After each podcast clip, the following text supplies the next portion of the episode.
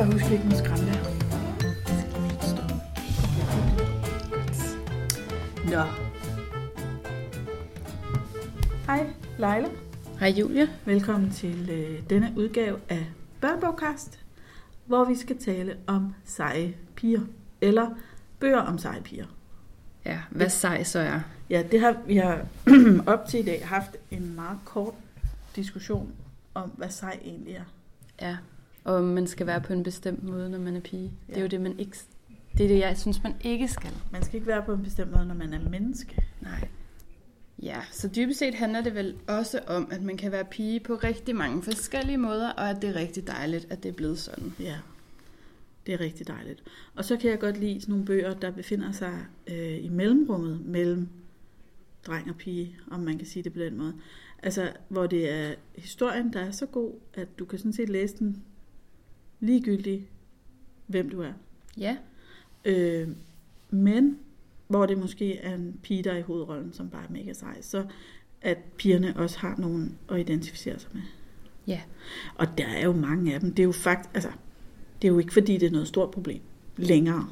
nej, det synes jeg heller ikke. Jeg synes, der er kommet mange gode. Og jeg har også taget nogle gamle med fra min egen barndom.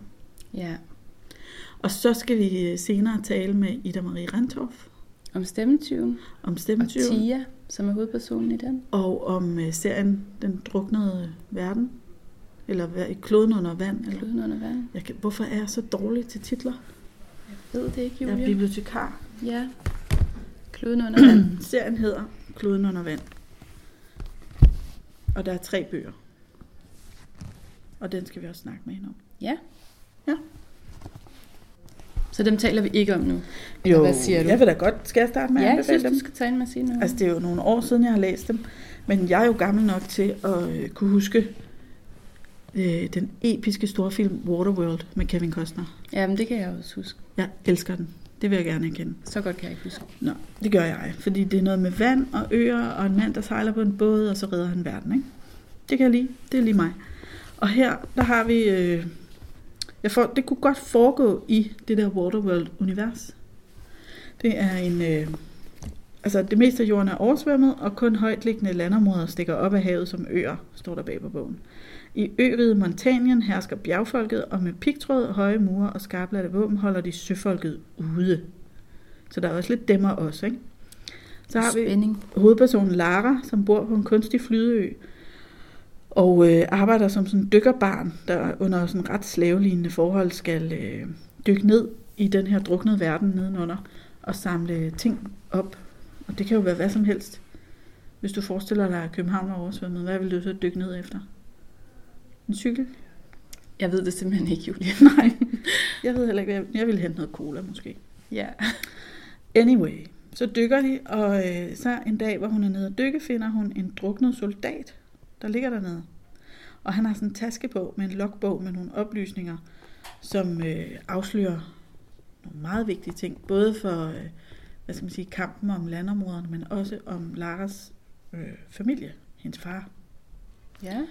Og øh, så starter eventyret, om man så må sige. Så begiver, begiver hun sig ud for at, at finde ud af mere om det her. Og det gør hun så gennem de næste to bøger også. Hun er interessant som person, fordi... Jeg synes, hun er selvstændig og øh, tager sagen i egen hånd. Og hun sidder ikke og venter på at blive reddet. Og øh, hvad skal man sige? Hun tør alt muligt. Ja. Hun har et problem, og hun vil gerne løse det. Det kan jeg godt lide. Der kommer også lidt kærlighed og sådan noget, men ikke ret meget. En lille smule. Og lidt jalousi.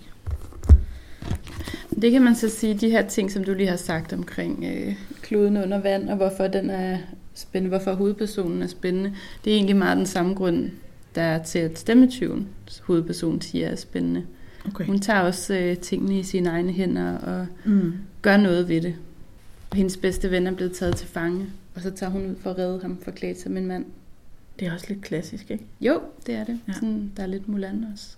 Ja, og, og den der øh, Louines sang til mor Piers, Ja, hvor hun gerne vil være ridder og også forklæder sig som dreng. Ja. Så kan man sige, skal vi nå derhen, hvor man ikke behøver at forklæde sig som dreng, for at få lov til at tage ud og redde folk? Ja, det kan man selvfølgelig sige, men det er jo lidt et spørgsmål om, hvordan er man nødt til at se ud for at komme ind der, hvor man skal ind. Ja. Ja. Forhåbentlig er det ikke nødvendigt i dag at klæde sig ud som en dreng. Jeg ved det simpelthen ikke. Jeg bruger det ikke selv. Jeg bruger det heller ikke. Men nu arbejder vi også i Folkebiblioteket. Ja. Ja, Der må man godt være sådan en gammel dame. der er det næsten mærkeligt at være en dreng, ja. Det er faktisk lidt. Så stikker man ud. Ja, Har du taget øh, andet med, eller skal jeg bare finde noget i min bunke? du må gerne... øh, Altså jeg kan faktisk fortsætte. sige, først så tog jeg øh, Pippi Langstrømpe med, fordi hun er jo the original gangster. Ja, men der er jo nogle stykker før Pippi Langstrømpe. Jo jo, men hun er sej, synes Ja. de fleste. Altså, jeg synes jo, at Anne, Anne fra Grønbakken, Anne, hun kommer jo sådan før Pippi, og, er, og der er altså nogle paralleller der. Okay.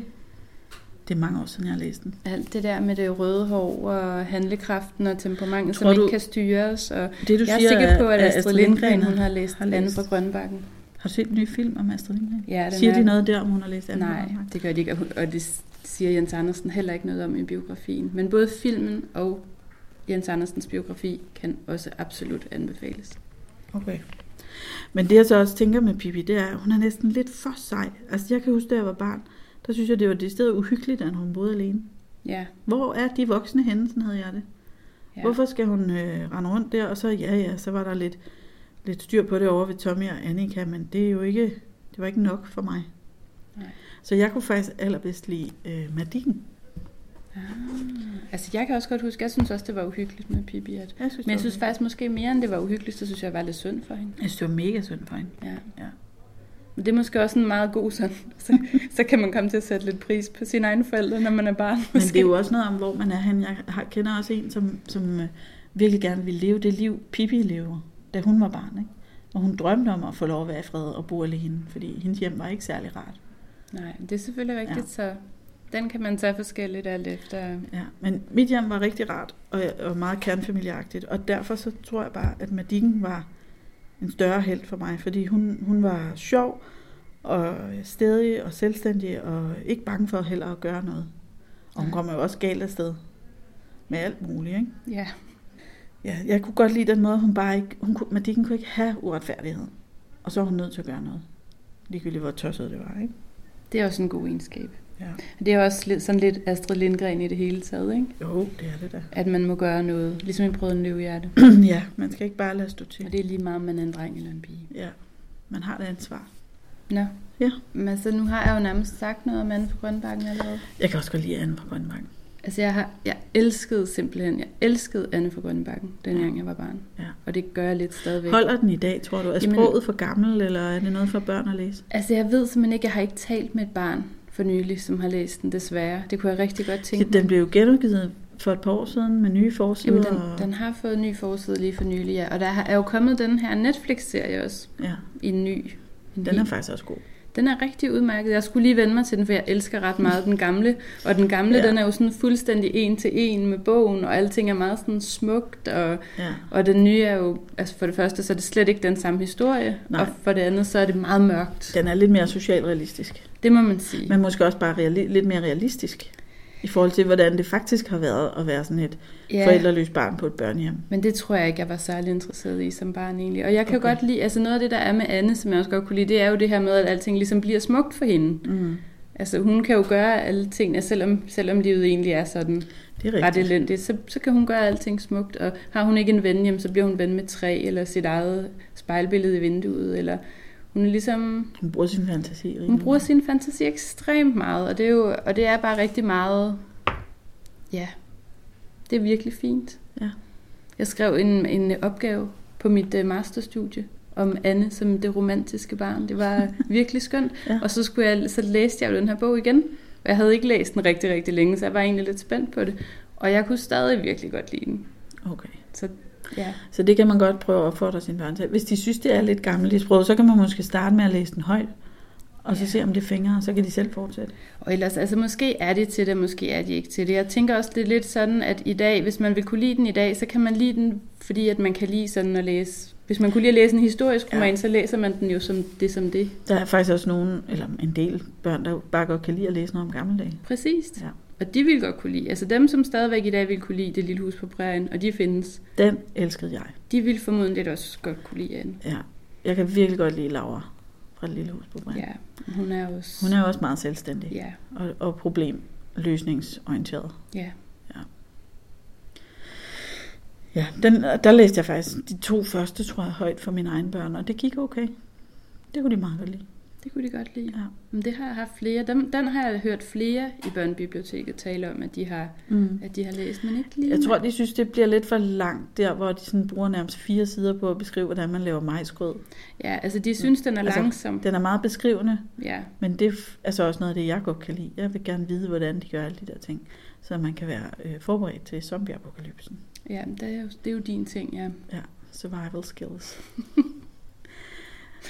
det Ja. startede dengang med det Ja. lille hus på Men prærien. nu hvor vi er helt der tilbage med Anne fra Grønnebakken og det lille hus på prærien, så er der jo også pigebørn. Åh oh, ja. Ja. Ja. Altså, Det er mange år siden, jeg har læst den. og det er jo også fantastisk, fordi der er jo virkelig sådan et portræt af, af de her søskende, som er helt forskellige piger. Mm. Så der findes jo sådan forskellige pigetyper i den. De er meget forskellige. Ja. Ja. Hvor Joe ligesom er Josephine, er den, der så fjerner sig længst fra det, som måske var idealet på det tidspunkt. Noget, noget lidt mere moderne, og apropos lad os survival skills, lidt fremad. så, så har jeg taget denne her med af Line Kyd Knudsen, der hedder Hvidt støv, de døde vågner. Det er meget langt fra pigebørn, kan jeg se. Det, men det er stadig en pige, der er hovedpersonen. Og det er den første i en øh, bog om Emily, som fylder 18 år, så det er en ungdomsbog. Mm. Og øh, hun har fødselsdag, men der er ingen tilbage til at fejre fødselsdagen med hende, fordi alle hendes familie og venner er døde. Der har været sådan en, øh, en sygdom, eller en pandemi, eller hvad man kalder det. Og øh, så er der desværre nogen, der øh, vågner, selvom de er døde. Så det er en zombiebog. Uh, Ja. det lyder spændende. Det, jeg synes faktisk, den er ret spændende. Øh, og det er meget sjældent, jeg har læst sådan nogle zombiebøger, som også altså decideret er sådan nogle pigebøger. Altså, Ja, Emily er meget piget og, og går virkelig op i sin øh, fødselsdag og sådan nogle helt almindelige hverdags øh, pigeting. Og en, ham der Anthony, som hun er vild med. Og, øh, men så klarer hun også lige zombierne. så klarer hun også lige zombierne. Eller det vil jeg så ikke afsløre, om hun gør. Der er, Jeg okay. tror, der er tre bøger i serien. Jeg har faktisk så ikke læst, det faktisk jeg har ikke læst den aller sidste, så måske klarer hun ikke zombierne. Men jeg synes stadig, hun er ret sej. Hun kan godt gøre forsøg. Ja, og så er hun faktisk et meget godt eksempel på det der, du startede med at sige med, at man behøver ikke at lave om på sig selv, bare fordi man lige skal klare nogle problemer. Nej. Man må godt stadig prøve at have pæne negle, hvis det er det, man synes er Hvis sjovt. man går op i det. Ja. Ja. Vil du for- fortsætte med din, du har en zombiebog mere til at ligge her? Har jeg en zombiebog med? Er, er den der ikke med? Nå jo, jamen, det er fordi mikrofonen står oven på zombiebogen. Jeg flytter lige mikrofonen. Ja. Sådan der. Undskyld for larmen. Den her zombiebog, det er for øh, meget mindre børn. Den har lige 19, så den er sådan ret let at læse, og så er den øh, meget illustreret. Og det er Benet i Zombiejæger af Nicole Boyle Rødnes. Ja. Og øh, den foregår også i øh, København, og der er zombier, og vi følger en gruppe af mennesker, eller mest børn faktisk, ikke? som bor i øh, nedlagt Tivoli. Jeg forestiller mig, at det er det Tivoli. Det lyder lidt uhyggeligt. Eller det kan godt være, det bare inde i mit hoved, at det hele foregår i København. Det kan måske i teorien være, at være som helst Tivoli. Det er meget uhyggeligt faktisk, og den er også lidt ulækker. Men de er mega seje, de der børn. Ja. Og øh, der er faktisk også en, der hedder Leila. Er der? Ja. Nå, Det sker ikke tit. Er hun sej? Hun er sej. Og så er der en, der hedder øh, Elo og Ava. Ava det er pigen, og Elo er hendes bror. Og de har ikke øh, nogen forældre, og nu er de 13 år, og bor sammen med den her gruppe af børn, hvor de øh, prøver at overleve og dræbe nogle zombier. Mega spændende. Ja. Det er lidt noget andet end pigebørn. Ja, det er det. Men det er også godt. Det er rigtig godt. En moderne historie. En moderne historie. Mm, skal vi tage noget herover fra mig? Jeg har taget Krapyl med. Ja. Af Kim Fubs Åkesson. Og det er en billedbog. tegnet af Camilla Slosjenska. Øh, og, hun er, og hun er virkelig... Altså den her krapyl bor under broen. I ved, ligesom trolden i Buk Bruse. Han er bare ikke rigtig nogen stor sej trold. Han er sådan en lille, pjusk, lille forpjusket en, der bor nede i vandet. Han er mere et krapyl, end han er trold. Han er en krapyl, ja. Ja. Og pigen der, som kommer ud på hans badebro, endelig kommer der en ud på hans badebro, og hun er overhovedet ikke bange for ham. Som i overhovedet ikke. Og han prøver det der med at råbe, ikke? Jo jo, og han siger, at han vil æde hende og så videre, og hun er fuldstændig ligeglad. Han er kold. 100 procent. Og det, der, er det er noget af det sjoveste ved bogen er egentlig den der samtale, de har til at starte med. Ja. Hvor de lige møder hinanden. Det, øh, altså det har mig og min femårige søn modet os ret meget over. Den er jo sjov. Det er nogle dystre, mørke tegninger. Ja, det er det jo. Men de er også flotte. Jeg synes, de er meget flotte. Ja. Jeg tænker, at øh, altså det er sådan nogle typer illustrationer, hvor det er lige så meget er kunst, som det er. ja, det er det. Og man, nogen vil måske tænke, det er jo ikke for børn det her, men det synes jeg sagtens, det kan være. De bliver kun sejre af at blive udfordret lidt.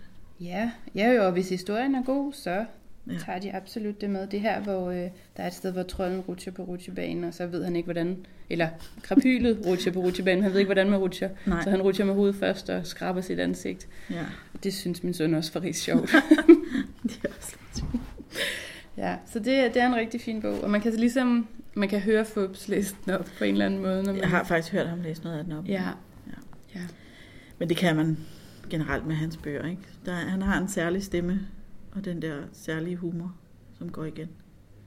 Ja, men det er også, det er også en fin pige, der er i den her bog, synes jeg. Ja. Jeg har faktisk ikke taget nogen billedbøger med. Men jeg har taget en øh, illustreret udgave af Alice i Eventyrland med. Øhm, fordi jeg synes også, at Alice er værd at holde fast i, selvom hun er ved at være en ældre dame. Absolut. Øhm, jeg synes, hun Den er mega sej. nysgerrige pige. Hun er nysgerrig. Og hun er også sådan... Øh, altså mega cool, hvis du forestiller dig alle de der mærkelige ting, hun bliver udsat for Ja, det på tager den hun. tur. Hun tager det bare i stiv arm. Ja. Okay, hænger der et smil i det træ? Nå. Så forhold os til. Altså, øh, Det er rigtigt. Hun er ikke sådan pyldret, hende Alice. hun går ikke i panik. Nej. Men jeg tror ikke, jeg vil sige mere om den. Jeg håber, de fleste kender Alice i Eventyrland. Ja.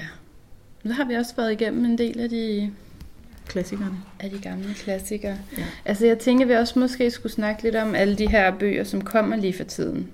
Ja. Om seje piger, kvinder, ja. og alt det her med at forandre verden, og alt det, som piger de kan.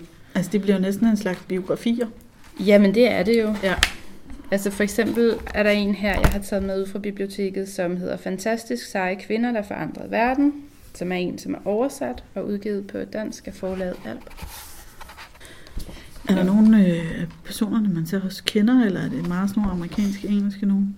Altså, Amelia Earhart? ja, og Agent Fifi, det ved jeg ikke, hvem er. det ved jeg heller ikke, hvad man er, men det ser meget spændende ud egentlig. Ja. Og hemmelig mission og sådan, det er, jo, det er jo meget fedt. Hende her ved jeg heller ikke, hvad man er, men det er en opdagelsesrejsende. Det synes jeg som sådan også ser ret fint ud. Jeg det er noget med- opdagelsesrejsende. Ja. Ja. Det synes jeg også er spændende. Og, og øh, Emmeline Pankhurst, Ja, hende ved jeg godt, hvem er. Rosa Park, hende ved vi også godt. Det er også en af de der, som ligesom går igen i de her bøger. Ja.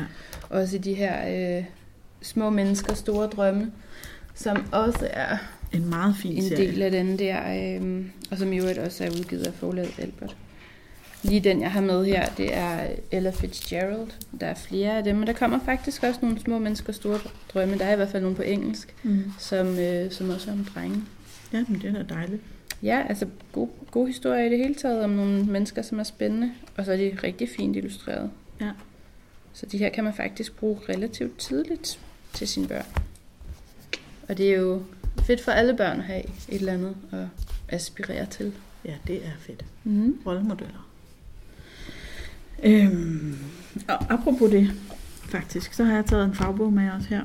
En øh, ny serie fra Carlsen, der hedder Vild Viden til børn og unge. Ja, Og lige den, som jeg har taget med, det er øh, Lene Fris, Alene jorden rundt.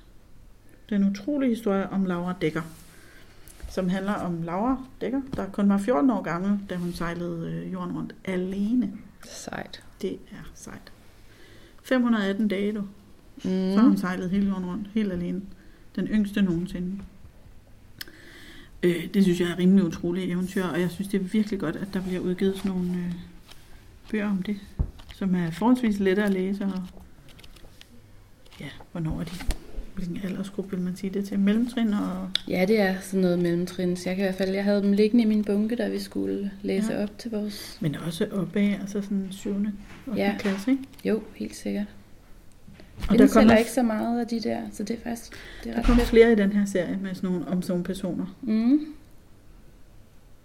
Men hun er i hvert fald sej, hende her Laura.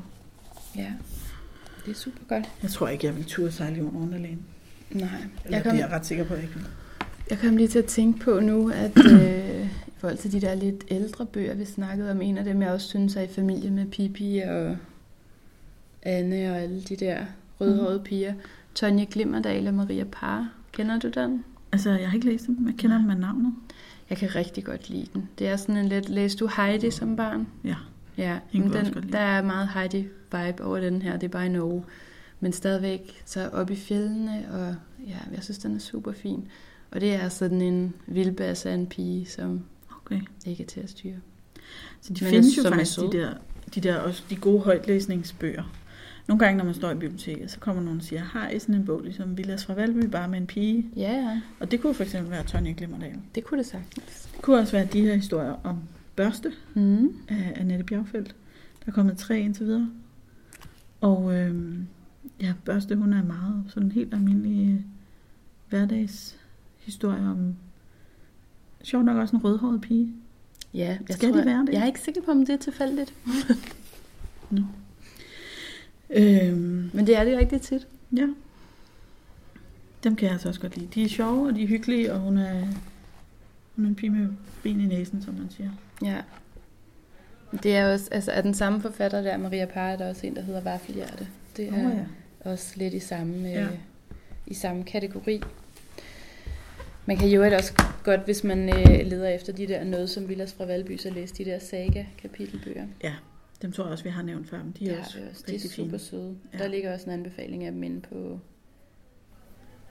hvad hedder det, Instagram-siden. Instagram. Børnebogkast. Børnebogkast har en Instagram-side, Ja. hvor at, øh, vi lægger nogle billeder op og anbefaler bøger. Yes. Vi kunne også nævne Mille Møgunge. Det, jeg stod faktisk og kiggede på dem, hvor lige jeg tage dem med også. Det er nogle fine. Ja. Der er sådan flere historier i den samme, i den samme bog, og de er også illustreret og store bogstaver og overskuelige at læse, hvis man læser selv, og også rigtig fine at læse højt. Det er meget sådan Emil-agtig bog, Ja. bare med en pige, hvor alting ligesom, det, alt går bare lidt galt for hende. Det er egentlig ikke, det er ikke med vilje, hun laver skarnstreger, men det sker bare. Hun er også meget sådan... Øh, ikke Villas, men ham den anden. Vitello. Vitello? Hun er Mhm. lidt Vitello-agtig. Jo. Det er heller aldrig rigtigt hans skyld, når det går galt, vel? Nej, ikke sådan rigtigt. Nej. Og han er dybest set en god dreng. Han er så sød. Han er bare meget opfindsom. Det er Ja. meget det samme Ja. med Mille. Hun er også meget opfindsom. Ja. ja, man skal jo passe på med at lægge bånd på sig selv. Ja. Jeg tænkte faktisk lidt på, øhm, om ikke øh, du har et eller andet forhold til hende der. Hilda og trolden, jo, hende har jeg et meget varmt forhold til. Ja, det Ja. tænkte jeg nok. Hun er simpelthen så fantastisk. Det er jo en tegneserie af Luke, Luke Pearson. Ja. Og øh, jeg kan fa- er det kun den første, der er kommet på dansk? Det kan jeg heller ikke huske. Det tror jeg må desværre, lige- det er, fordi at den sikkert ikke solgt nok eller et eller andet. Øh, men der er jo en 5-6 stykker på engelsk. Ja, de er super fine. De er rigtig flotte. Og så har den jo også, den er blevet lavet som tv-serie på Netflix, Ja. som også er god. Det er rigtig fint. Ja. Men Hilda, hun er øh, også en rask pige, der bor ude i, i skoven med sin mor i en lille hytte og oplever mange magiske eventyr. Hun er sådan lidt sådan en spider-type, ikke? Ja. ja. Det er ligesom også lidt inde på en måde. Det tror jeg faktisk, det er. Ja, der er noget med det der frilufts. Men øh, det er jo også i de voksnes verden, ikke? Vi ser Ja. alene i vildmarken, og Ja, der er noget med det her overlevelse. Men... mennesket og naturen. Hele overlevelsestemaet, Ja, og klare dig selv. det er der. Det startede med do-it-yourself-bølgen, hvor vi skulle brodere igen, Ja, og nu skal vi så kunne tænde bål. back to basics. Ja. Jeg tænkte jo, at i forhold til det der med naturen, og nu har vi været inde på Astrid Lindgren også, vi sagde slet ikke noget om Ronja. Nej, men hun er altså det er også sådan, hvor man tænker, hende kender folk nok godt. Jamen, det gør de jo også. Hun er der også sej. Men hun findes også som en tegn, tegneserie Ja, hun er også kommet som øvrigt på, øh, på Netflix. Jeg tror også, den ligger der. Det bliver en lang Netflix-reklame nu, det her. Kan. Ja, nu er det kulturformidling, ikke? Jo, det er det. Helt bredt. Altså nu ved jeg ikke, jeg, vi kan, det kan næsten ikke betale sig at sige krystalskibet i den her sammenhæng, for den har vi snakket om så mange Den har vi gange. snakket om mange gange før. Men hun er bare cool, hende Hun er ret sej. Kaiser. Men man kan så sige øh, i den forbindelse, at der er kommet en ny fra, fra Benny. Det er med en dreng som hovedperson, men han er så også sej. Kraken, den har jeg lige læst. Jeg synes, Ja. ja. den var super god. Virkelig flot. Og meget flot og rigtig, og god. rigtig god. ja. Rigtig spændende. Super spændende. Ja. Men, og, og den fik mig faktisk også lige til at tænke på en anden sej på. Vi Apropos måske- zombier også i øvrigt. Ja. Øh, Ishavspirater. Den er også god. Nu kan jeg ikke lige huske forfatteren, fordi sådan er jeg jo. Åh, En eller anden svensker eller nordmand. ja, et eller andet Nielsen. Ja. Men det er jo også en pige, der drager ud for at finde sin øh, søster, der er blevet bortført Ja. af nogle ishavspirater. Hun forklæder sig ikke som en dreng, Nej, så vidt jeg husker. det tror jeg heller ikke, hun gør. Mega fed bog. Ja. Øh, den tror jeg måske også, vi har haft nævnt. Altså, når man snart har lavet podcast i tre år, så har vi jo nævnt mange. Der var den, Ishavspirater. den, ja. Frida Nielsen. Frida Nielsen, ja, det var sådan, det var. Den er rigtig god til højtlæsning. Også sådan, hvis man skal på ferie, og man har brug for noget til hele familien. Ja, så er det faktisk Sådan et børn godt i bud. flere aldersgrupper, og mor og far skal også kunne holde ud og høre det, ikke? Helt sikkert. Øh, der var måske en enkelt ting, jeg lige har liggende her. Jeg har håndbog for superhelte liggende, som også er sådan noget øh, ja, tegneserieagtigt. Mm. Vi har i hvert fald sådan hele tegnede sider, og så er der sådan nogle bokse med tekst i, Ja. som handler om Lisa, som bliver, øh, som bliver mobbet i skolen, og så flygter hun til biblioteket, og på biblioteket der finder hun håndbog for superhelte. Det er der, man skal flygte Og så hen. følger hun håndbogen, og så bliver hun en superhelt. Og så går hun op med de der bøller fra skolen, og Okay. Byens skurke og så videre. Det er også en, øh, en super fin serie. Der er tre bind indtil videre, så vidt jeg husker. Det lyder meget nemt med sådan en håndbog, er det det? Øhm, jamen i princippet er det jo meget smart, for hun følger den jo bare. Så Ja. lærer hun at tale med dyr og lærer at flyve og sådan. Seriøst? Ja.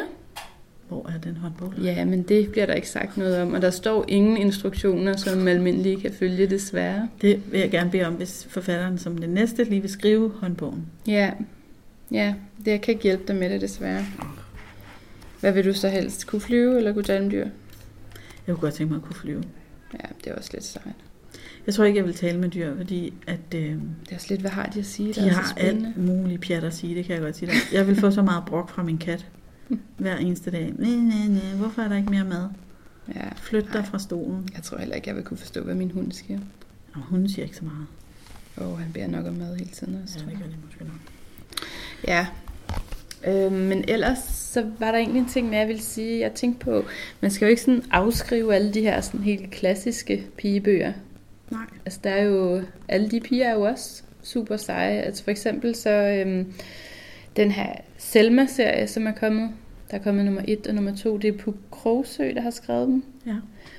Og samtidig Klassens Dronning, som også lige er udkommet af Sara Ejers bog. ja, den har jeg ikke selv læst nu, men jeg har hørt virkelig meget godt om den fra flere kolleger. Men de to bogserier vil jeg virkelig, kan jeg rigtig godt anbefale. Og det handler jo om alt det her, som piger kender fra deres hverdag og så videre. Men en meget stor del af det er at finde ud af, hvem man er og stå ved det. Ja. Altså at være den, man er. Hvilket jo også er stærkt.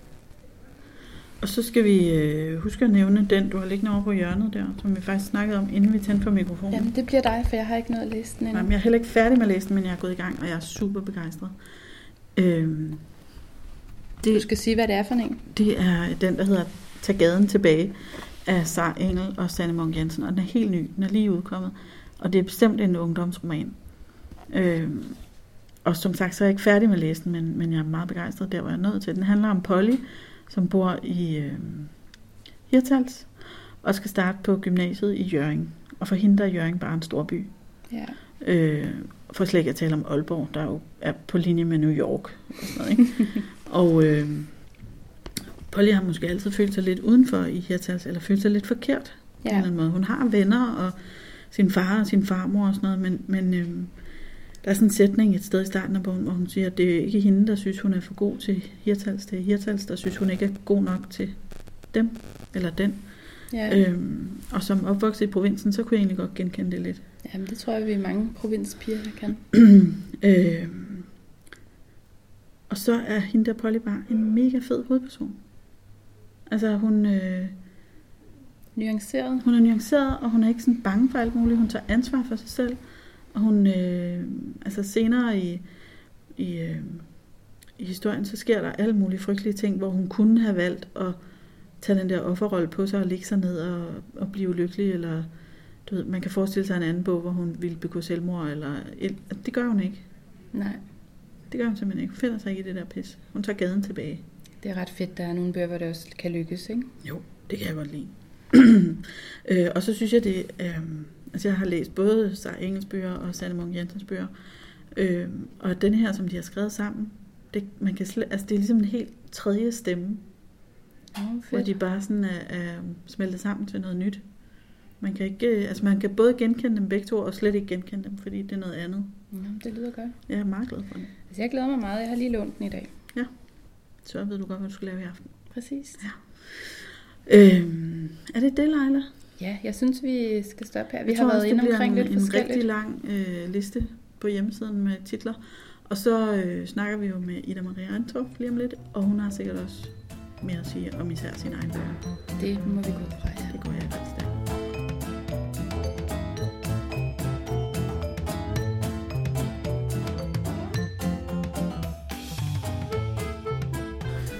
Jamen, velkommen til dig, Ida Marie Randtoff og Leila. Igen. Tak for det, Julie. Så er vi klar til at snakke om øh, nogle flere seje piger i Ida Maries bøger. Tak. Tak fordi jeg måtte komme og snakke med jer. Tak fordi du ville komme. Det bliver rigtig spændende, tror jeg, personligt. Ja, altså Julie og jeg har jo faktisk lige siddet øh, og optaget lidt podcast inden, hvor vi har talt om de her piger, og om vi skal kalde dem seje, eller hvad det er, vi skal kalde dem. Er de handlekraftige piger, eller... Ja. Ja, fordi, fordi det er jo ikke så godt at sidde og sige, at der er nogle piger, der ligesom er forkerte. Nej, men der er stadig nogen, der sejrer end andre, uden ja. At det er forkert. Det er rigtigt nok. Men handlekraft er måske et meget godt øh, udtryk i virkeligheden. For jeg tænkte også over det, inden jeg kom, det der med, hvad er de seje piger, eller hvad er det, hvad er det egentlig, det der handlekraft handler om? Ja. Ja, Kom du frem til noget så? Nå, men jeg tænkte bare lidt på mine egne bøger, og lidt hvorfor jeg egentlig tit skrev på den her, Ja. de her handlekraftige piger. Og jeg tror dels er det fordi, når man skriver, så er det rart, for altså, der, er jo, der er jo en drivkraft i det. ja. Så det, så det er godt at skrive på. Men så tror jeg også, man skriver lidt på sin hovedstol, og jeg tror måske også i mit eget liv, at jeg har været sådan en, der lidt handlede. Altså jeg tror jo på, at vi alle sammen får sådan en portion lidelse med os, Mm. mm. som vi skal forholde os til, og den kan vi jo forholde os til på forskellige vis. Det er rigtigt. Altså, det er også fedt lige, når man taler om børnebøger, at vise de her personer, som man kan se op til og Ja. aspirere til på en ja. eller anden måde. Ikke? Jo jo, det er jo meget, hvordan agerer man på den portion lidelse, Ja. man nu har fået. Og der, der kan, det kan man jo gøre på mange måder, Ja. kan man sige. Det giver noget håb, sådan at vise en vej ud. Ja, Ja. ja. Og du har skrevet bøger i mange år. ja. Ja.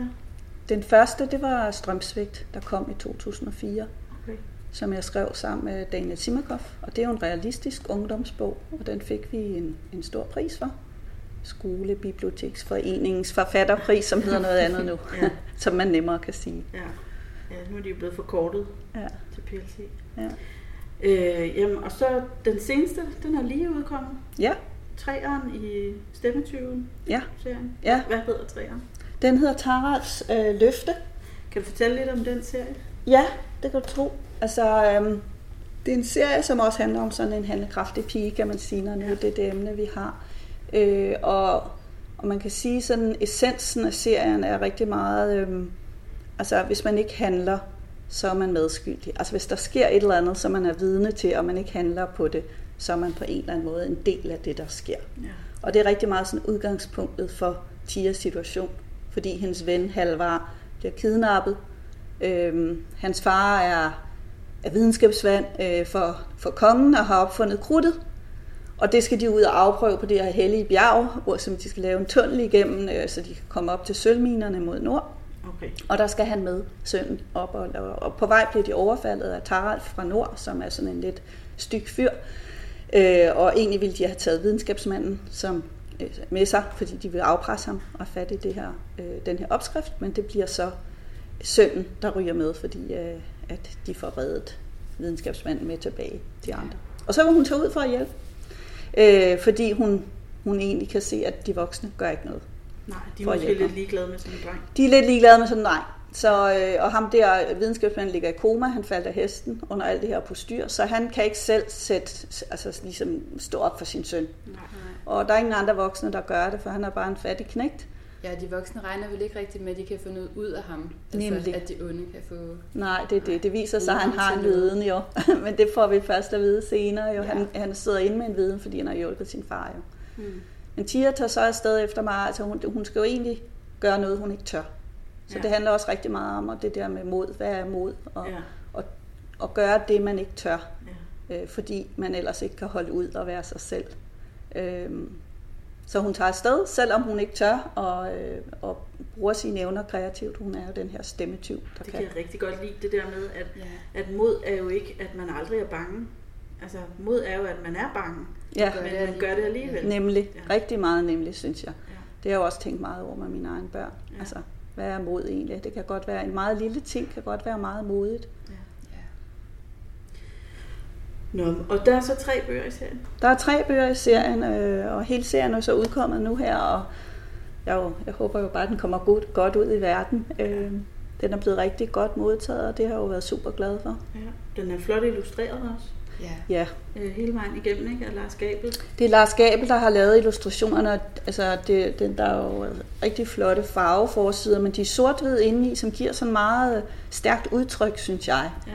De er mega seje, de der illustrationer. Og det giver også sådan lidt, altså, et lidt mere ungt præg, kan man sige. Så man kan læse Ja. dem både som, når man er den der mellemgruppe, men også egentlig som ung, synes jeg. Mm. Fordi at, at de er lidt seje, de der illustrationer. Lidt tegneserie, sådan sort-hvid tegneserie. De er På den rigtig, gode måde. De er rigtig gode og rigtig spændende. Og jeg er jo voksen. Ja, Og jeg synes også, jeg synes, det var en super god læseoplevelse, det vil jeg sige. og det er jeg glad for at høre. Rigtig fin fortælling. Meget sådan eventyrlig, og, og der, der var en af anmeldelserne, der skrev noget omkring Brødren Livhjerte, og det kunne jeg helt sikkert også godt mærke i den, det der sådan kampen mod det gode og det onde. Og, Ja. ja. Ja, det var også noget med øh, at være det ægte menneske, ikke? Det Jo. der med at skrive, at at nogle fantasy-figurer kan blive lidt sådan karikeret, men jeg prøver virkelig at lave, altså jeg prøver at arbejde meget med karaktererne i mine bøger, gør virkelig meget for, at det skal blive menneskelige konflikter, Ja. som rigtige mennesker, også uanset om det er, personer. ja, nemlig, og uanset om det er fantasy eller realisme, ja, så tror jeg egentlig, at personerne kan godt minde om hinanden på den måde. ja. helt sikkert. Så der er noget, man kan spejle sig i. Ja, Ja. jeg synes jo, det fede ved fantasy er, at man kan behandle sådan egentlig hverdagsting, men i et magisk univers. Og så kan man jo sætte sig ned med sine børn, eller med sine venner, eller i skolen og snakke om, hey, hvad handler det her også om? Ja. Altså, Ja. Hvordan, hvad handler det om i vores verden? Øh, Ja, så. ja. Jeg vil helt sikkert sige, jeg synes, jeg synes også, det ville være oplagt for nogen at læse dem højt. Og det var faktisk også Ja, det næste ja, spørgsmål. det om synes jeg også helt sikkert, at, øh, at det kan man sagtens. Det vil være en god, fordi jeg tror, det er en, det er en god historie både for de voksne og for børnene, så det synes jeg vil være oplagt. Ja. Store børn. Store børn. Man kan jo godt læse højt, selvom de godt selv kan læse. Ja, det er en fantastisk Ja. øh, oplevelse, man får sammen. Det er, jeg har læst højt for mine børn, til de var ret gamle. Mm. Øh, fordi man netop, så, så finder man nogle andre bøger, og så bliver det noget andet lige pludselig. Det er måske også en, man godt kan høre på lydbog, hvis den er på lydbog. Ja, Øh, det tror jeg i hvert fald, den kommer, hvis ja. den ikke er endnu. Eller læse højt, hvis man er sådan en familie, der er på ferie. Mm. Det synes jeg tit, jeg møder nogen, så vil de gerne have noget, altså både en på 8 og en på 10 og en på 12 skal kunne høre med, og mor og far skal også synes, det er sjovt. Ja, Eller godt. ja, Ja. Det tror jeg måske også. Ja. Helt sikkert. Der er i hvert fald også mange ting, man kunne snakke om undervejs i den, Ja. ikke? hvis man hører den sammen eller læser den sammen, tænker jeg. Ja, det er der. Med det der med at stå op for sine venner. Og... Ja, men der er mange emner, Ja. man kan tage op. Så er jeg næsten også nødt til at spørge, fordi før da vi snakkede om seje piger, så gik det op for os, at hvad, måske 8 ud af 10 af dem er rødhåret. Ja, Er 10 er rødhåret? altså det, det tror jeg ikke. Skal vi lige kigge på fortiden? Nej, Står der det nogle steder? Hun er ikke rødhåret, men man Nej, kan nej. se, altså Ti- Tia gør jo det, hun klipper sit hår af ret Ja. tidligt. Hun Okay. har jo sådan noget langt, jeg tror det er sådan lidt mørkt faktisk, det kan man jo også se der på foden. det Lidt vi også om, brunmørkt. det der med om, altså behovet for at forklæde sig, når man skal ud og være modig. Ja. At man nogle gange nærmest skal skifte, eller du ved, tage en eller anden hat på. ja, og det gør hun jo, Ja. for hun stjæler jo noget tøj. Ja. Så hun stjæler en hat. Ja, Og hun klipper også håret af, og hun stjæler en kappe, for hun skal være det her sendebud, Ja. som er kommet nordfra, skal vende tilbage øh, med besked til Taralf, om kongen vil forhandle om den her unge dreng. Ja. Øh, og det vil han jo ikke, og det har hun hørt. Så hun, tager han, hun bedøver ham, så han ligger, altså hendes mor har en effektiv urtehave, og der finder hun dødnælle ude, som hun bruger til at bedøve ham, og hun håber jo inderligt, at han ikke dør af det, men bare er rigtig længe sovende. Ja. Øh, og så hugger hun hans øh, ting. Og hun kan jo det der med at lave sin stemme om, så hun har jo luret hans stemme og ligesom optaget den på sin indre recorder der, mm. og så kan hun afspille den. Så hun klæder sig ud som ham, han er sådan en lille, tyndt benet mand, og hun er en højt benet pige. Ja. Så det passer lige sammen. Og så, øh, så bliver hun ham, sendebudet fra nord. Men det er ikke en pointe, at hun skal klæde sig ud som en mand for ligesom at være kunne modig, det, eller kunne det. Nej. det, det Nogle af de det ældre titler, der det er er det jo meget sådan, at man klæder sig ud som en dreng for overhovedet at kunne handle. Nej, her er det bare fordi, det er Alif, der er sendebudet. Så Ja. ja. det er Tia selv, og, og, øh, og senere bliver hun også Tia igen, bare med kort hår, øh, gennem bøgerne, når hun ligesom når den her forklædning på et tidspunkt bliver taget af hende. Ja. Øh, ja. Ja. Men jeg tror nu, der er noget om det der med, at, at der kan være en forha- forva- forvandling i, når man skal, når man skal an- forandre sig. Der er jo også mange, og der er jo også voksne kvinder, når de bliver skilt, så klipper de håret, eller, eller gør noget nyt, eller sådan. Altså jeg tror, sådan mennesket har nok generelt et behov for nogle gange, når der skal ske noget nyt, og gøre noget nyt. Altså det, vi snakker jo også nogle gange om det her. Altså, jeg synes bare, når man er på arbejde, tager man da en mere professionel hat på end så mange andre steder. Så kan man nogle andre ting. Ja, Man kan godt for eksempel være meget generet, men når man er bibliotekar, så når man er på arbejde, kan man alligevel stå og tale med 100 fremmede mennesker hver dag. Ja, fordi Ja. så er man en anden. Ja. Man har den der hat på. ja. Ja, men det er rigtigt. Det oplever jeg jo også som forfatter, når man er ude og holde altså alle de her foredrag for, ja. for alle mulige, både børn og unge og voksne bibliotekarer, hvor det nu kan være. At så, altså jeg hedder jo også Ida Marie Randhoff, men normalt så bliver jeg kaldt Mie. Så jeg har jo egentlig også to navne, fordi Ja. ja. mine forældre gik over til at kalde mig Mie ret hurtigt, fordi Ida Marie, øh, det blev lidt langt at kalde, ikke? Så jeg har på en måde også sådan en, et personligt navn og et forfatternavn. Så det er lidt sådan ja. også det. Ja. Det er meget sjovt at tænke over. Ja. Det kan være, at vi skal nå øh, den anden serie her, som jeg har taget med. Øh, Kloden under vand, Ja, som er en serie for de lidt ældre børn. ja. Og øh, ikke fantasy, men måske heller ikke rigtig science fiction, men Nej. ude i fremtiden. Ja, sådan en dystopi, Dystopi. eller... Ja. Ja. Øh, kan du fortælle lidt om den også? ja, altså Kloden under vand har jo været rigtig meget ude i verden med, og, alles, og holdt rigtig mange foredrag om, fordi det er jo sådan en bog, som man kan sige uheldigvis bliver mere og mere aktuel jo, fordi den handler jo om klimaforandringer, uden at det nogensinde rigtig bliver sagt i bøgerne. Mm. Det er en verden, hvor øh, oceanerne er steget, øh, og der derfor ikke er så meget landjord tilbage. Og derfor så kæmper man jo bragt om den landjord, der er. Og dem, der ligesom boede på højdedragene, de har, de har lavet mure omkring de her øer, og øh, har ligesom spærret sig selv ind og de andre ude, kan man sige. Ja. Så Lara tilhører selvfølgelig søfolket, fordi jeg skriver jo om dem, der har det svært. Så hun tilhører dem, der ikke har noget landjord. De bor jo så hvad der stikker, på, hvad der stikker op af havet. Og det kan være højhuse eller sådan store rustne rav af tankskibe, der driver rundt, eller, eller flydeøer, de har bygget af ravelse, de har samlet op fra de oversvømmede by- byer. Og så er hun dykkerpige. Hun dykker ned i de her oversvømmede byer og finder værdier, Ja. som hun giver til sin boss, Tussen, som øh, samler alt det her sammen og sælger det på markedet inde på landjorden. Han har sådan et arbejdspas, Ja. så han kan tage ind og sælge inde på fastlandet. Så det er sådan, så har hun en rigtig god ven, Jare, som også er en, en sej fyr, kan man sige, som, som man, han har ikke rigtig noget familie, og han er sådan en, man finder lige, lige stille lidt mere ud af ham, hvem han er. Men øh, de to bliver jo meget tæt forbundet gennem alle tre bøger. Der kommer selvfølgelig også en tredje fyr ind på et tidspunkt. Trekanter er altid gode. Der skal lige være lidt drama. Og han er lidt ældre øh, end de to. Hun er 14, og øh, jeg er sådan på vej til 16, og, og han er rigtig voksen, Malko. Han er, han er 18 og har sit eget skib og kan manøvrere rundt i den her verden.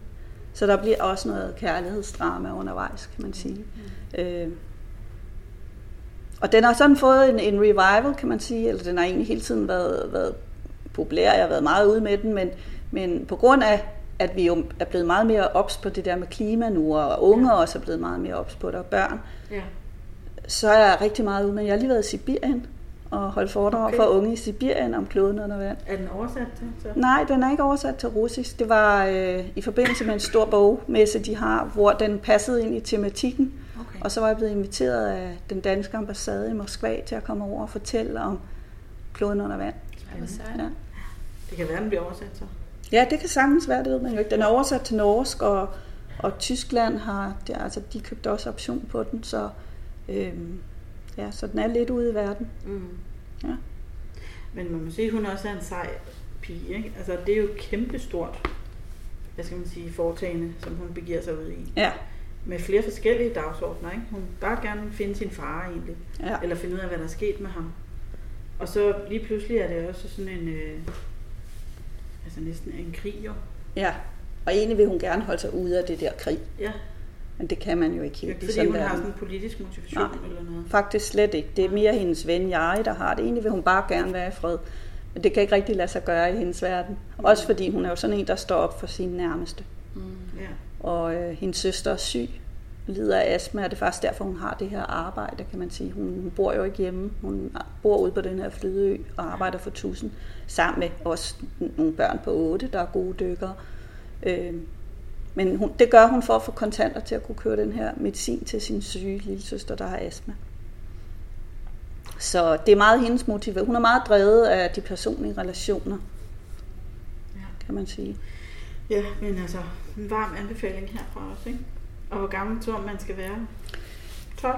Ja, 12, men der er også yngre, der læser den. Og, Ja. og der, der er nogle gange nogle voksne, der spørger, om er det så ikke for uhyggeligt for børn? Og det er også meget det, nu snakkede vi før om, at der har jo været, der var et stort indlæg i politikken her, for ikke så lang tid siden, om bøger, Ja. der omhandler klima.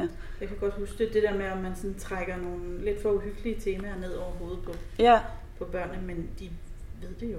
Ja, og der var der sådan, der blev så en, der var en psykolog, der blev interviewet, som faktisk sagde, at det var rigtig vigtigt for børnene at læse noget om de her klimaforandringer, for de hører alt muligt i nyhederne, og de voksne, der taler, og, og så at, at følge nogle seje piger, der agerer, eller drenge for den sags skyld, nogle unge, øh, børn og unge, der agerer i den her verden, og faktisk gør noget i den her verden. Det, Ja. det kan give noget Så Så det motivation.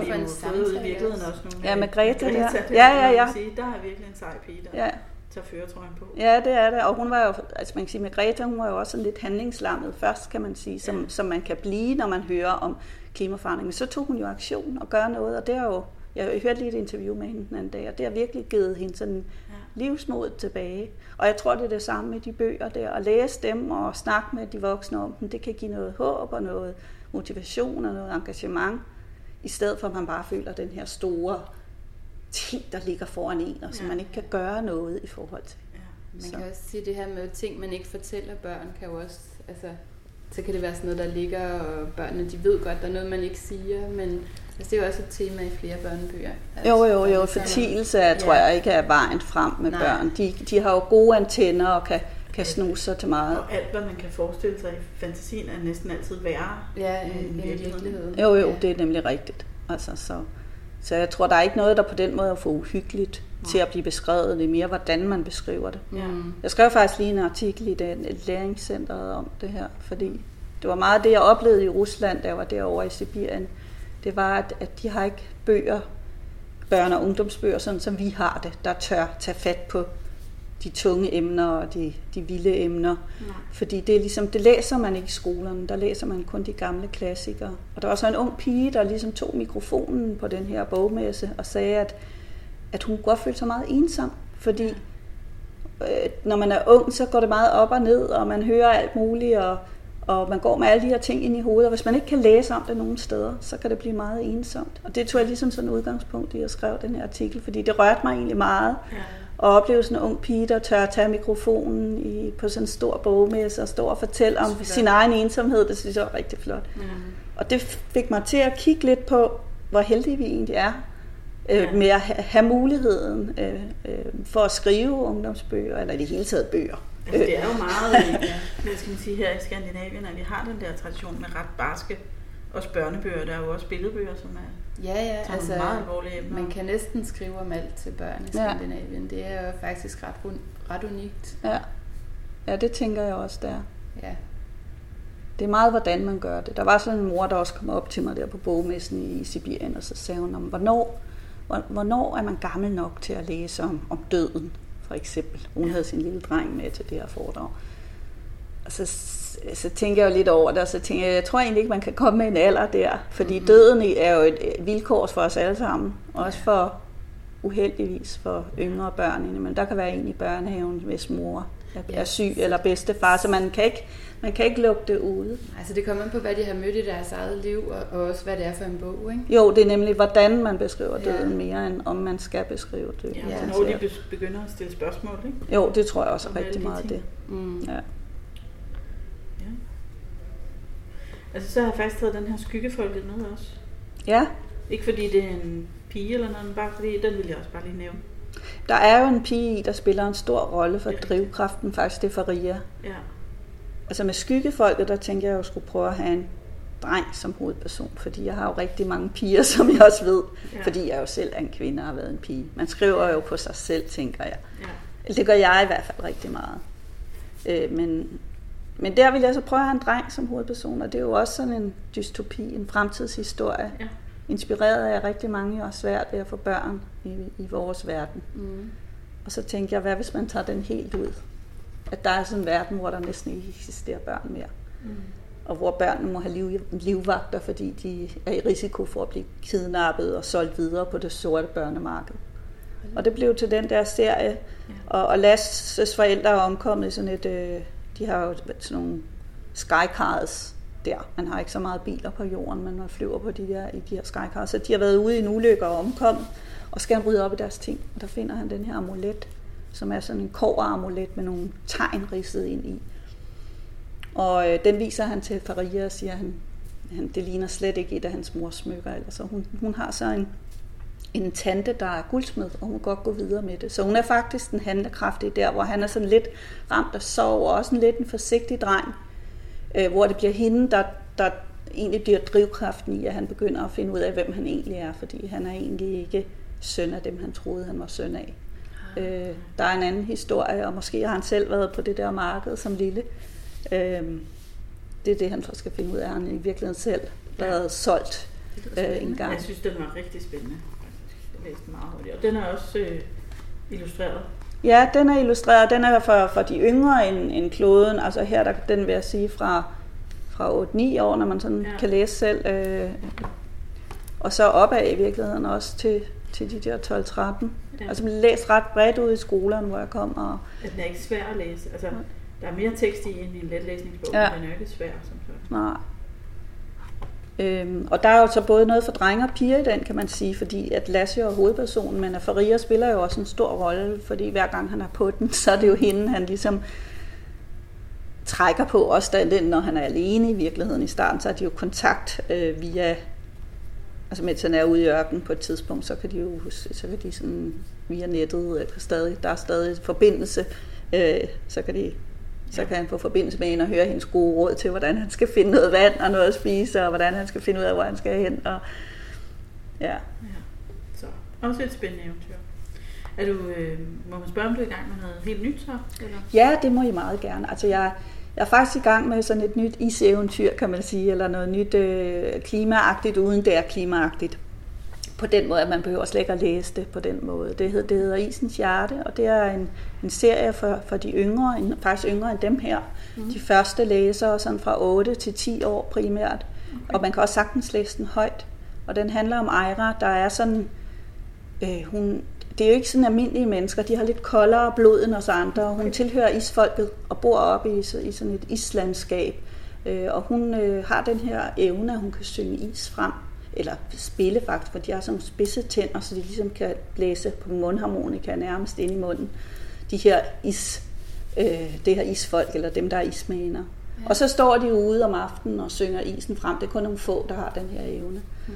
Men de bor så i byer af is, og, og lever et issamfund, lidt sådan isdronningen, kan man sige. Eller, ja. øh, øh, men øh, så begynder isen at smelte, og byerne nede sydpå begynder at løbe ud i vandet, og ismanerne begynder at forsvinde på mystisk vis. Mm. Øh, og så skal hun jo ligesom finde ud af, øh, ja. hvad, hvad foregår der her. Hun er sådan den næste i rækken til at blive den store ismaner. Hendes bedstemor er lige nu hende, der har isbjørnekappen og går ind i bjerget til isens hjerte og får de store visioner og syn men øh, bedstemor falder om i den første bog, og så er det ligesom Ejra, der er den næste i rækken, for hendes mor er død.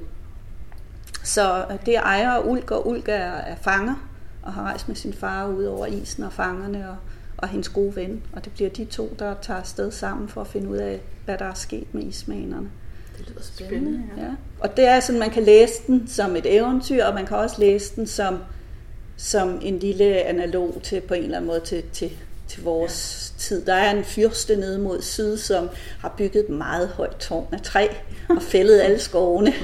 Han er meget ambitiøs og meget sådan... Øh, han har slet ikke i kontakt med naturen omkring sig. Han får brug og kun, ikke? Og, og så får han jo brug. Hans, hans land begynder at blive ørken, og han får brug for ismaningerne, fordi de udover med en is, så kan de også med en regn. Mm. Altså de er i kontakt med det der med at kunne kunne trække fugten ud af luften Ja. øh, med deres sang. Ikke? Så, så han får brug for dem til at vande sine marker. Så der er også sådan en, man kan sige, der, der er en analog til, til vores verden, hvis man vil det, og man kan også bare læse det som et eventyr, hvis man vil. Eller en fantasy-historie, hvis man vil. Det lyder rigtig spændende. Jeg er så spændt på Regner det. du- Hvornår- regner du med, den kommer? Den kommer i juni, øh, og jeg har lige, færdig, øh, forsiden har jeg lige set i dag. Okay. Ej, Og, øh, og den er rigtig flot med isens hjerte inde i, i det her isbjerg. Man kan se, der lyser de to i for, forgrunden, de to Ejger, eller Ulger, Ejra og hende, den lange isbjørnkap. Og så er der jo Snus, slædehunden, slædehundevalpen, som spiller en stor rolle. Så der er også en hund. Den vil vi glæde os til. Øh, så den, øh, den, det er den ene ting, jeg har arbejdet på her. Den anden ting, jeg har arbejdet på, det er, der er sådan en... Øh, jeg er blevet bedt om at skrive en novelle til for Carlsen. De laver sådan en novellesamling om det at være anderledes. Det er en realistisk novellesamling. Og der er faktisk skrevet en novelle, der, og den, altså antologien kommer her hmm, i april, mener jeg det er. 18. april måske. Øhm, og der har jeg skrevet en historie om den her pige, som også er ret sej, synes jeg selv, og som faktisk næsten er mig selv. Øh, Men sej på den måde, når jeg ser hende udefra, fordi øh, jeg valgte at skrive på noget meget selvbiografisk stof, og da jeg var de der 11-12 år, der måtte mig og min søster og min mor gå under jorden, fordi min far var maniodepressiv og havde sådan en meget manisk periode, hvor min mor simpelthen blev for utryg, tror jeg, ved ham. Så vi gik under jorden og flygtede fra Jylland, fra ham og hele vores hjem og vores det hele. Vi tog bare en rygsæk med, og så tog vi afsted. Og det episode, altså flugten fra Jylland, har jeg så skrevet den her novelle om. Så det, det har faktisk været en rigtig interessant proces. Ja, det må være både altså, svært, men også spændende på en eller anden Jamen det der med, at de hedder jo noget andet, og, Ja, ja, ja. ja. og de er i vores tid, og de er jo ikke, det er ikke mig, det er Vega og øh, hvad hedder søsteren Kajsa. Mm. Øh, og Kajsa er meget yngre end Vega, så min søster og jeg vi er meget tæt på hinanden i alder. Så det er ikke os, det er to andre, men de oplever noget, der minder rigtig meget om. Og så kan man jo pludselig se det udefra. Ja. Øh, det der, der egentlig var ens selv og bare ens normale liv, selvom det var nok så unormalt, så var det jo bare mit liv. Altså Mm. det, det var bare sådan, det var. Øh, men så når jeg læser det, og har skrevet historien om Vega og Kajsa, så tænker jeg, hold da op, det var alligevel lidt vildt. Mm. Så der sker jo noget på den måde, når man lægger en Ja. lille distance til stoffet, og så skriver så det har været rigtig interessant. Øh, og hun er i hvert fald også meget handlekraftig midt i det her øh, moras mellem den her sindssyge far, som hun jo holder meget af. For det har været meget vigtigt for mig faktisk at beskrive det der med en pige, der har en sindslidende far, som hun faktisk er meget tæt på. Ja. Jeg synes jo tit, at de sindssyge i litteraturen og Ja. filmen, altså det bliver jo tit brugt som en, det er en god antagonist at have sådan en, altså The Ja. Shining, eller Ja, de der, ja. vi kender, som er de uhyggelige med øksen eller et eller andet. Ja, så simpelt er det. jo Så simpelt er det jo ikke. Nej. Og det har været rigtig vigtigt for mig i den der historie, ligesom at skrive en pige, der faktisk er meget knyttet til den her far, der har læst eventyr for hende og fortalt hende historier, og, Ja. ja. og er sådan en meget magisk person og karismatisk person i det hele taget. Øh, øh, så, så den der dualisme, man kan have, Ja. og få den med i en historie. Så det har været en interessant bog at skrive, eller, eller historie at skrive. Jeg har faktisk tænkt på, at jeg skal skrive videre på personerne, fordi jeg blev rigtig glad for dem. Så, så jeg tænker, at det skal blive til en blå bog også. Men her der hedder den forløbig øh, Sidste afkørsel, og kommer i den der øh, antologi, der hedder, jeg skal lige huske, hvad den hedder. Øh, er du anderledes før. ja, altså den hedder, Nå, det kan jeg lige finde om lidt. Ellers så finder vi ud af det Ja. til Ja. næste måneds podcast, som faktisk kommer til at handle om diversitet. Ja. Nå, ja, så er det jo Det gør meget oplagt. Men der havde du talt med, det var øh, antologisamling, som hed hvad? Broen. Broen. Ja, Ja. Er det samme forlag, der hed det der? det er høst og søndag. Det er høst og søndag. Jamen, jeg så faktisk godt, de kom med noget for nylig, der, der havde lidt det samme tema. Ja. Øh, den her hedder På den anden side. Okay. På den anden side, ja. Jamen, det er super spændende, og vi kunne blive ved med at snakke for evigt, men jeg Ja. tror, vi skal til at Ja. runde af. Må jeg lige nævne en sidste? Ja. Fordi det, nu har vi snakket meget om fantasy-titlerne, ikke? og så tænker jeg, at jeg vil rigtig gerne også lige nævne nogle af mine realistiske titler. Ja. Selvfølgelig. Fordi at, øh, jeg, jeg er jo sådan en, der både skriver fantasy og, og future og, og realisme, og jeg har jo hjerte for alle tre ting, eller genre kan man sige. Mm. Ja. Øh, og det er sådan to lidt forskellige bøger, de her. Den her, lige nu er allerede morgen, ved jeg ikke, om I kender. Altså, jeg har i hvert fald set den. Jeg Ja. har også set Jeg kan den, godt jeg genkende læst. Øhm, det er sådan en, en bog, der også er lavet et undervisningsmateriale på, øh, som ligger inde på min hjemmeside. Det er noget, hedder de CFU, der har lavet det, tror jeg. Ja. Øhm, og den handler om en pige, der mister sin, sin mor og sin søster i en, en trafikulykke, hvor der er sådan øh, øh, ikke en spritbilist, men en spøgelsesbilist, der har taget den forkerte bane, og de er balleret ind i hinanden. Øh, og det ved man faktisk ikke fra start. Man tror, at, at hendes forældre er skilt, for hun besøger moren og søsteren ude på den anden side af skoven, hører man. Mm. Øh, men hun er sådan en, en sær pige, der holder sig for sig selv, og, øh, og tit cykler over på den anden side af skoven til de her, hun besøger. Og så, kommer der en, øh, så flytter der en gut ind overfor, en Peter, hvis far er, øh, han sidder i kørestol og har været for en ulykke. Han var pilot, men han er ikke faldet ned med en flyvemaskine, han er faldet ned fra en stol og brækket ryggen, sådan som livet nogle gange er ironisk og sært. Øh, men det gør jo måske, at han, han fornemmer hendes sorg, tror jeg, eller hendes, øh, noget genkendeligt hos hende, selvom han, det er lang tid siden med hans far. Mm. Så, øh, men i hvert fald så er meget insisterende på, at de skal føles også. Han cykler også og øh, har noget af det samme, som hun har. Ja. Så de bliver, han prøver at insistere på, at de skal være venner, og det vil hun selvfølgelig ikke. Hun har boet sig helt ind. Men så handler det på om det der med, hvordan han banker på, og så til sidst, hvordan hun tager imod den der udstrakte hånd. Mm. Og det var også noget, det vil sige, når vi snakker om seje piger. Ja. Ja. At, at det der med, at man kan kapsle sig lidt ind og klare tingene selv, det er måske så det nogle gange, man gør, når man bliver en sej pige. Men det er også sejt, når man kan tage imod en hånd, der bliver strakt frem. Ja. Øh, og det er noget... Øh, ja, det er den anden side af det at være sej, man faktisk ja. kan åbne sig og tage imod os. Mm. Fordi det er også mod, ikke? Jo, det er nemlig også mod. Så den her, den har også været rigtig meget ude at holde foredrag om, fordi det handler jo rigtig meget om det der med, hvordan man kommer videre efter sorg. Ja. Øh, det der med at miste. Men og det er der, sådan ældre, altså udskoling, vil man sige, ikke? Ja, altså den er meget til, normalt at holde foredrag det 5 6. Okay. Øh, og, og pigen er jo også der omkring 12 år. Okay. Øh, men det er jo en sørgelig historie, men med en god slutning med håb i, fordi hun jo faktisk ja. formår at få en venlig pludselig, og efter at have kæmpet lidt. Ja. Han, han må kæmpe lidt. Og så den anden, jeg lige vil nævne, det er den her Ikke uden Frederikke. Det er sådan en, øh, en realistisk øh, bog om, om venskab. Om det der med, hvordan to veninder, når det går skævt af den ene eller den anden grund, og man kender hinanden rigtig godt, hvordan man så fra at gå, altså man kan gå fra at være bedste veninder til at blive værste fjender Yeah. Fordi man netop kender alle ens, øh, alle hinandens ømme, ja, hvad skal man sige, øh, ømme punkter og alle hinandens små hemmeligheder og sådan noget. Øh. Så lige nu allerede morgen sådan en meget alvorlig bog, kan man sige, men hvor den her ikke uden Frederik er lidt mere sådan almindelig øh, hverdagsskoleliv og, og rigtig meget om, om mobning og det der med, de her to piger ved det samme, de stiller op til den her dramakonkurrence. Mm. Og veninden Gudrun har alle, hun har gået til drama, og hun, hun er oplagt til at vinde. Øh, men så vinder den anden, Frederikke, veninden, som egentlig bare går til fægtning og er lidt mere sådan en drengepige. Hun vinder øh, og skal gå videre sammen med Ludvig, som er deres tredje ven fra klassen. Okay. Så de to skal gå videre i sådan en dramaturnering. Yeah. Øh, og det har Gudrun rigtig svært ved. Øh, så hvad sker der så? Øh, så bliver der sådan nogle fraktioner i klassen, og, og lige pludselig er det ikke nemt at være Frederikke længe, længere. Nej, det er nok også mange, der kan genkende ja. den ene eller den anden. Ja, i en eller anden. Så det er sådan lidt uh, en sej pige, det der mobning, og det synes jeg lige sådan, det er også, altså det er jo sådan noget, der fylder meget, tror jeg, i mange øh, børn og unges mm. bevidsthed, det er den der klasseorden, det der med det, det hele hierarki og hele ja. de der magtting, der ligger i sådan en klasserum, øh, og, og manøvrere rundt i det. Ja, det Ja. Bliver der brugt noget krudt på. Ja. ja, det var bare ja. sådan to realistiske ja, historier det også. Godt. Ja. ja. Ja, men øh, så siger jeg mange tak. Jamen, jeg siger også mange tak. Det var rigtig det var interessant rigtig at snakke godt. med jer. Og spændende. Altid fedt at snakke om bøger. Ja. ja. ja. Så går vi hjem og får lyst til at læse en masse. det gør man. Det gør man. Ja.